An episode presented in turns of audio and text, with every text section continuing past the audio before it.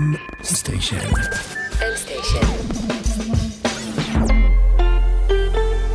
מבית מייקרוסופט בישראל.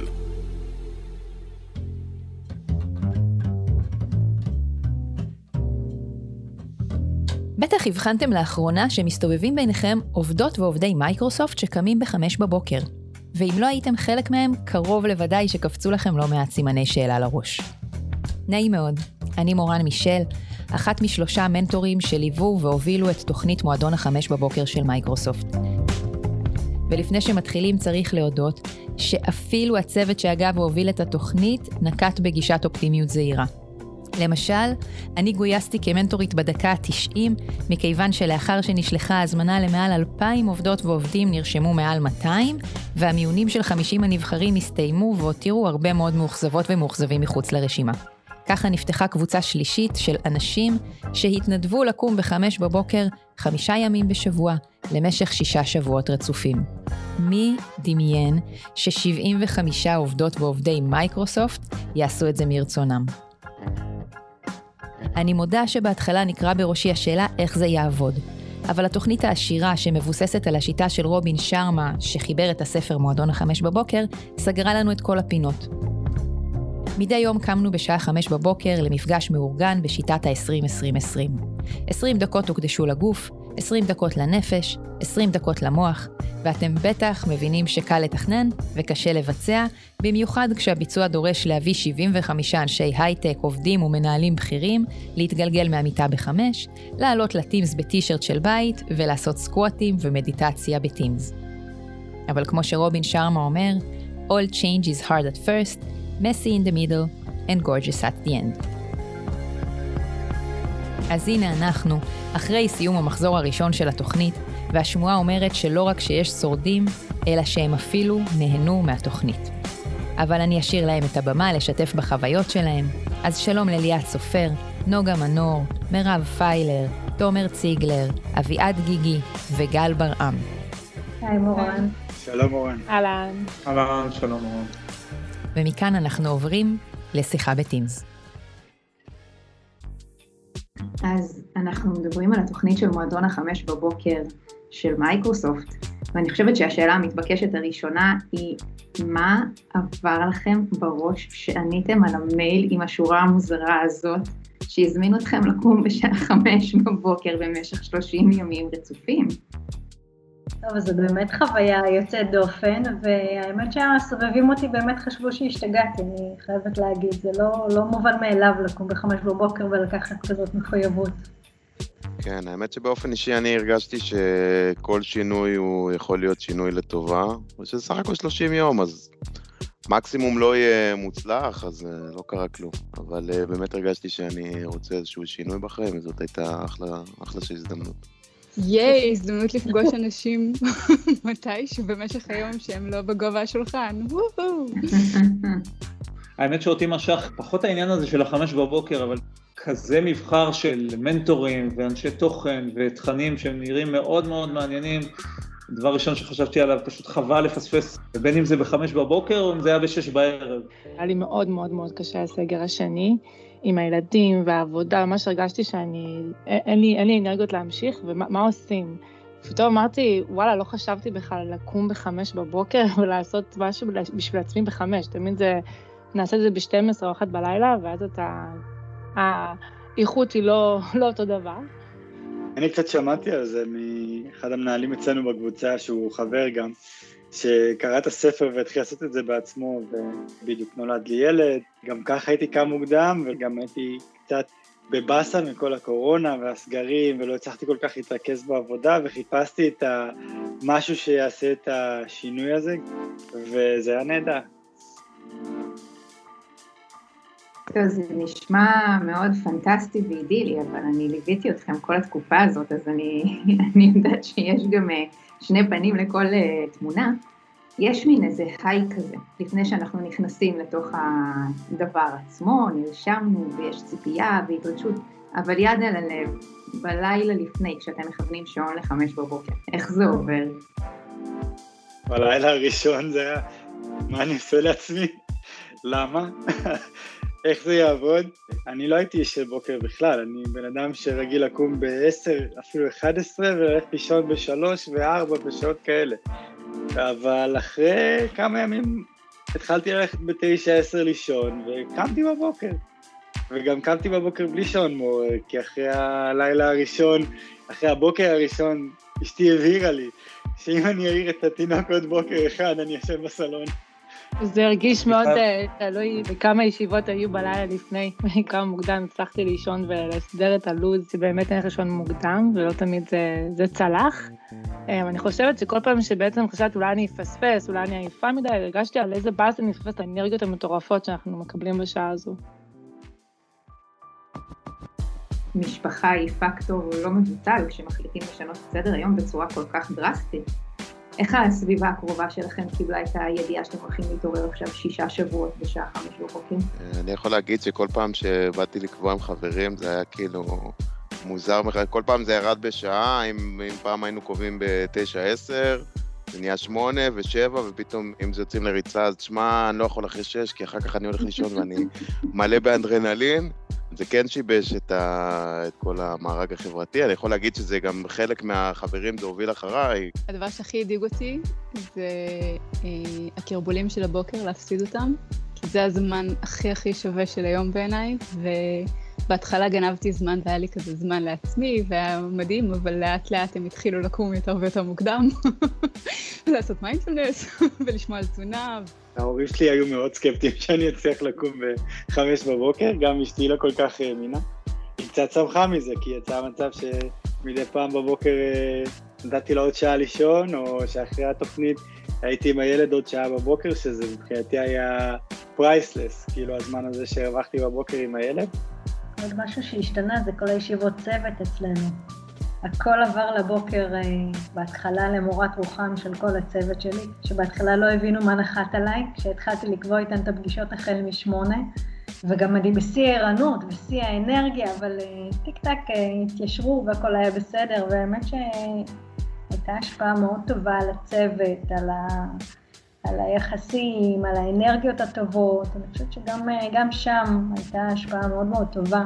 יש לנו כלב חדש, קטן, טוטו, הוא היה גם אה, חלק מהקבוצה, אלה שהיו איתי בקבוצה נחשפו אליו.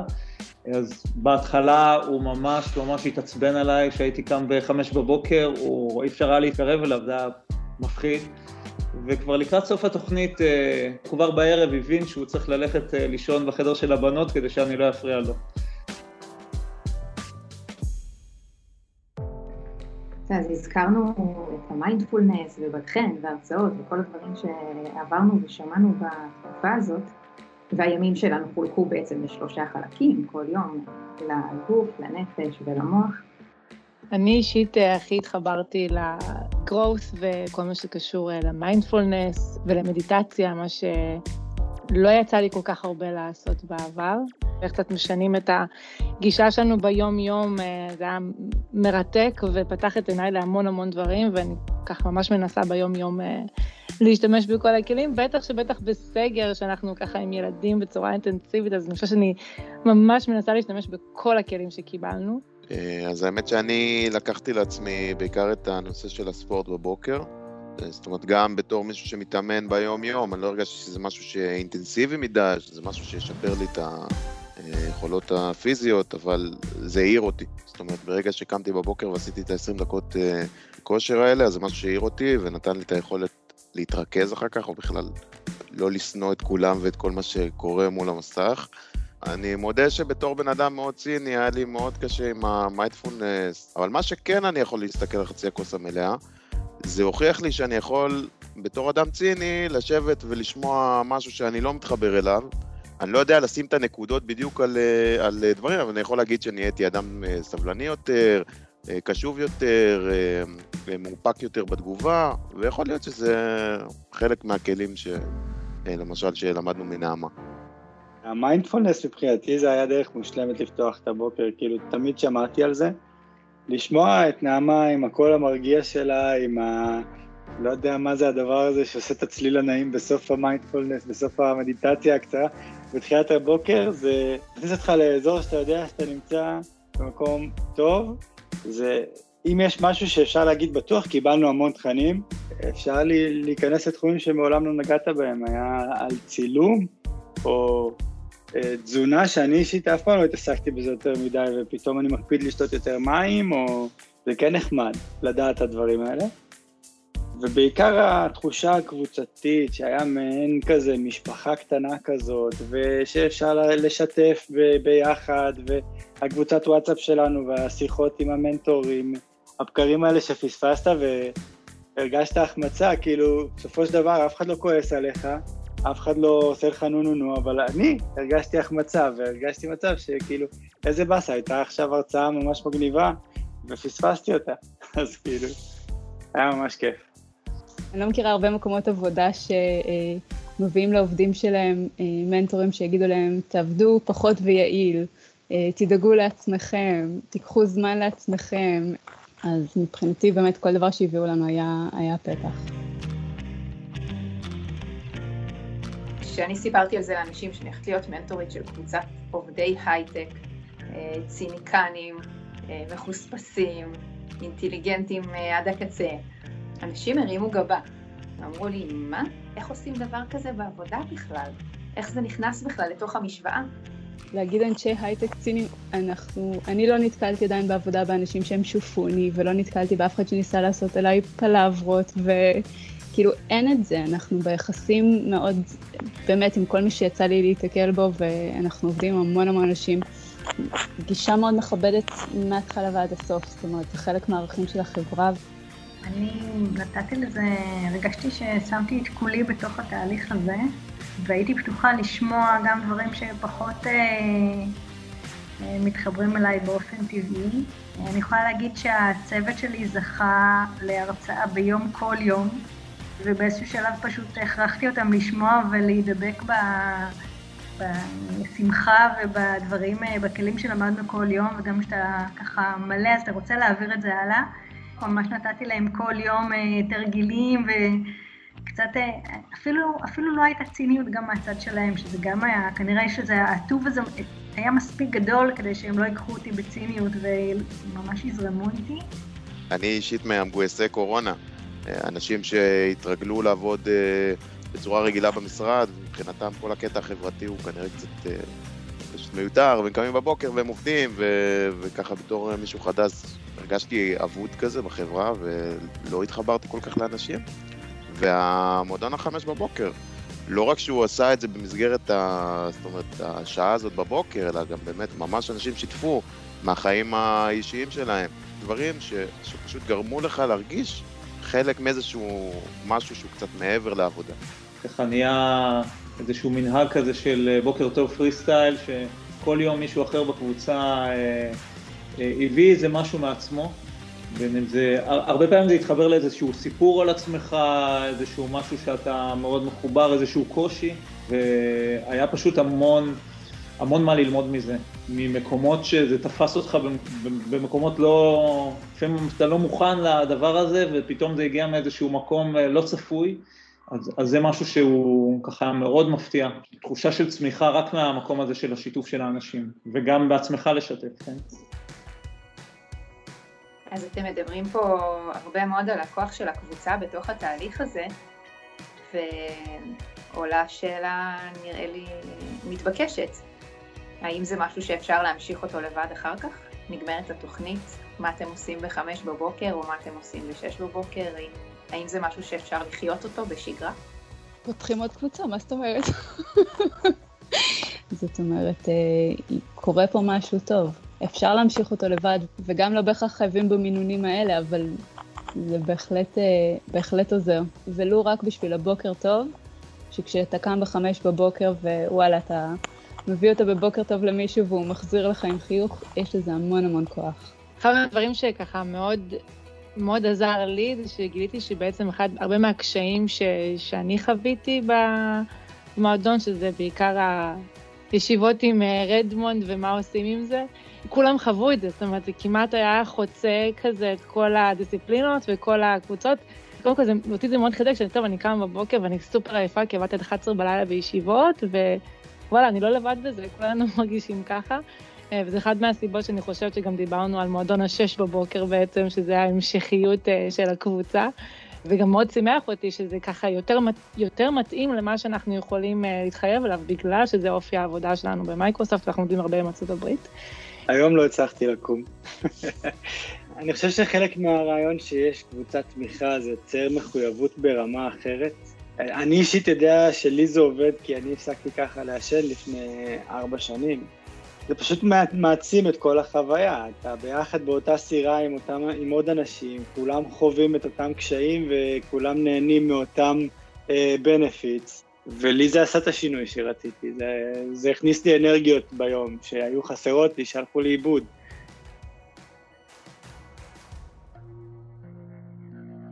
איפה היו נקודות השבירה? שאתה מגלה על עצמך שאתה סופר לא גמיש, וכמה זה קשה. אבל uh, ברצינות uh, לא, לא היו לי הרבה נקודות שבירה, הדבר היחיד שאולי הייתי מציין שבאמת אתה מקבל כל כך הרבה כלים ואתה קצת מתוסכל מהעובדה הזו ש, שלעשות processing לכולם ולנסות ליישם זה פשוט אה, מגוון כל כך רחב של כלים בזמן כל כך קצר זה יכול להיות מתסכל אחד, שניים, שלושה כלים שאני רוצה לעבוד עליהם עכשיו, את השאר אולי אני אדחה לאחר כך, כדי לא לשפוט את עצמך שאתה באמת לא, לא עושה את התהליך כמו שצריך, כי כמות הכלים שקיבלנו, כמות התכנים, כמות האפשרויות היא פשוט הייתה בלתי מוגבלת. לא יודעת אם הייתי מגדירה את זה שבר, אבל היו קשיים, זאת אומרת, אה, אחד מהדברים שהטילו עלינו לעשות היה לבחור איזשהו אדם שאנחנו אה, בוחנים או, או עובדים על מערכת היחסים שלנו איתו.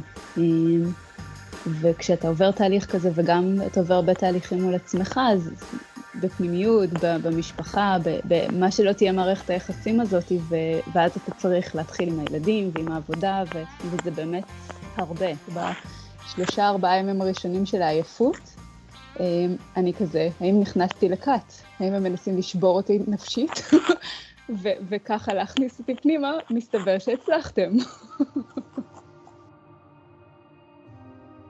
אם אתם צריכים להגיד דבר אחד טוב שהשתנה בחיים האישיים שלכם, ודבר אחד טוב שלקחתם לתפקוד בעבודה, מה זה יהיה? כל הזמן חיכיתי לסופש. אני מגיע ככה לסופש, מה שנקרא, עם הלשון בחוץ. ההבנה הזאת שאני לא צריך לחכות לסופש, שאני יכול פשוט לקום כמה שעות קודם, לקום, לעשות את הטיולים שלי ואת הספורט שלי, ולהיפגש עם חברים, ולחוות את כל מה שאני אוהב לחוות, ואז להתחיל את היום עבודה שלי. כאילו, הגעתי למצב בסופש האחרון, שבשבת אני פשוט יושב בבית, כי אני כבר לא, לא רוצה לטייל יותר, כי טיילתי כל השבוע, וזה, וזה פשוט מדהים. אני חושבת שהמשפט שבעיניי הכי חזק שנעמה אמרה זה לחכות, להקשיב עד הסוף עוד קצת, באמת לעשות לעצור את הריאקציה הטבעית שבאה לי לעשות ולהגיד על משהו, באמת לעשות לעצור, להקשיב עד הסוף, לחכות עוד קצת ולהחליט בעצם איך אני מגיבה, אה, שזה מאוד מאוד קשה לעשות, ואני ממש אה, משתדלת אה, לעמוד בזה, לא תמיד מצליחה. ולעבודה, אה, לירז אמרה משהו, ב, אני לא יודעת אם בסשן הראשון או השני, שהיא רוצה שנבוא לעבודה, או כל דבר שאנחנו עושים, עם עיניים סקרניות כמו של ילדים קטנים, אפילו שפותחים אימייל וקוראים אימייל, תהיו בסקרנות מלאה. ומי כמוני יודע שיש לנו מיליון אימיילים. אצלנו בצוות העניין הזה של אה, להקשיב עוד קצת, אה, הוא באמת עשה פלאים. גם אני וגם חבריי לצוות רגילים להתלהב ככה לדבר ולקטוע אחד את השני מתוך uh, התלהבות, לא... ולהקשיב עד הסוף ועוד קצת ממש עשה, עשה מאוד טוב. ועוד איזה משהו קטן שפחות דיברנו עליו, אבל אה, הנושא של לחיות בהכרת תודה. יש הרבה על מה להודות, וכששמים את ה spotlight בדיוק על הדברים האלה ולא על מה חסר, אז החיים נראים אה, הרבה יותר טובים, לא רק לי, אלא גם לאנשים שעובדים איתי. עשיתי איתם כמה סשנים של, אה, שהתחילו לדבר איתי מההתחלה והתחילו לספר לי על הדברים הטובים שיש בחיים שלהם, וככה התעקשתי והתעקשתי ובסוף זה עבד. אה, אמרתי שאני מוכנה להקשיב לכל הקיטורים, אבל קודם כל שיספרו על הדברים הטובים, ואחר כך אני אקשיב לכל השאר. אה, וזה את שלו, העניין הזה של לחיות בהוקרת תודה הוא דבר מדהים וממלא, אני מודה על זה. בעבודה אולי הדבר שהכי הכי תפס אותי זה היה ה vindication, באמת המקום הזה שבו מגיע איש מקצוע ומדבר איתך על, על זה שאתה רוב הזמן צריך לבצע תכנון, והביצוע עצמו הוא תופס הרבה פחות מקום. לעצור, לבהות בקיר, ו- ובאמת לתת לעצמך את הזמן הזה לתכנן ולדייק את הדברים, עד שהמשימה בעצם נהיית קלה. משהו מאוד משמעותי שלקחתי לי.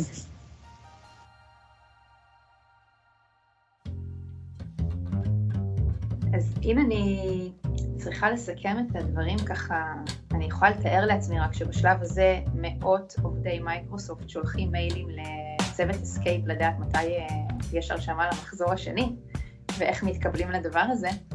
אז אני שואלת אתכם, האם זה מתאים לכל אחד?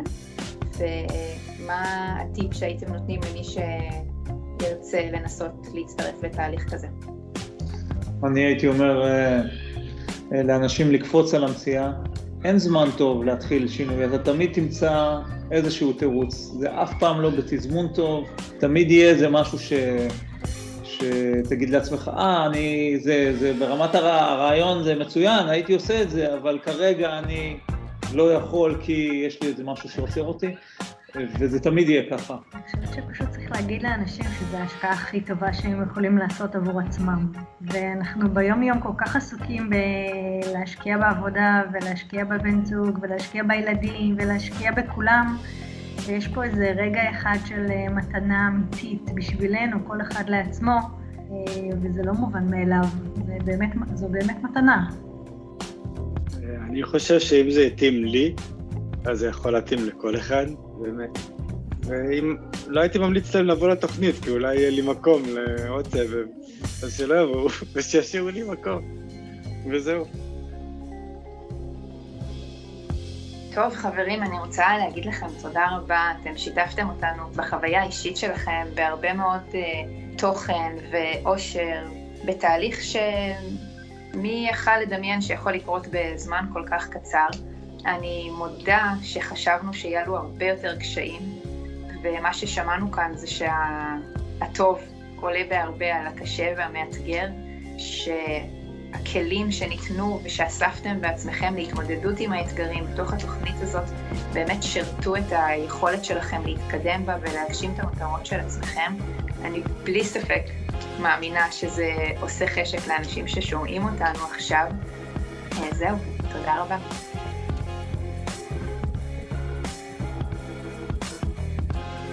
אני רוצה להודות בשמי ובשם שותפיי המנטורים, יפעת כהן ויובל קדוש, ובוודאי גם בשם כל משתתפי התוכנית, לשני ברקוביץ', יוזמת ומפתחת התוכנית, להדר דרוקר, מנהלת התוכנית בפועל, למול ההפקות, מורן בראל כהן, מיטל צורף ושרון פרס על הפקה מדהימה, ולצוות המקצועי, צוות המנחים שליווה אותנו, נעמה קטן על רצועת הרוח והמיינדפולנס, מתן בלו, שהביא את הצוות שלו למפגשי התנועה הנפלאים מדי בוקר, בת חן גרינברג, שהייתה אמונה על רצועת הארגון וניהול הזמן, ענת אשר, שלימדה אותנו כל מה שצריך לדעת על תזונה, ודוקטור לירז לסרי ברצועת הגרו, שהעשירה אותנו בהרבה מאוד ידע וכלים פרקטיים.